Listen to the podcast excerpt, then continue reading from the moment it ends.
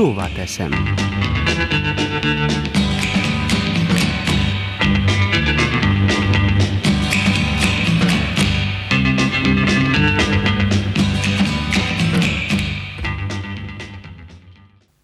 Köszöntöm a kedves hallgatókat, jó napot kívánok!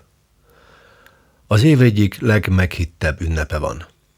Mostanra talán mindenki megnyugodott, hiszen túl vagyunk az ajándékozáson.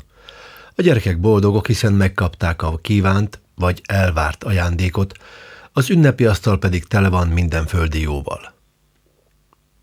Ha ez most önöknél is így van, akkor szerencsésnek mondhatják magukat. De most álljunk meg egy pillanatra.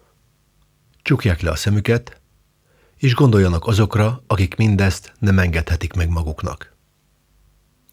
Képzeljük magunkat azon szülők helyébe, akik szeretnének, de nem tudnak ajándékot adni. Igen, jogos a felvetés. Csak ajándékhalmazzal lehet örömet szerezni? Valóban úgy gondoljuk, hogy az anyagi javak hozzák el a lelki felemelkedést és megnyugvást?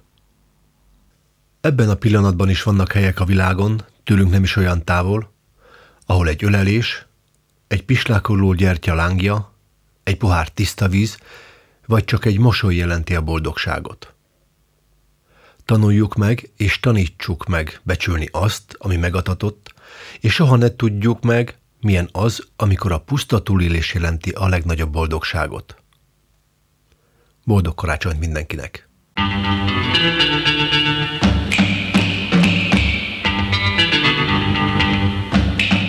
Szóvá teszem.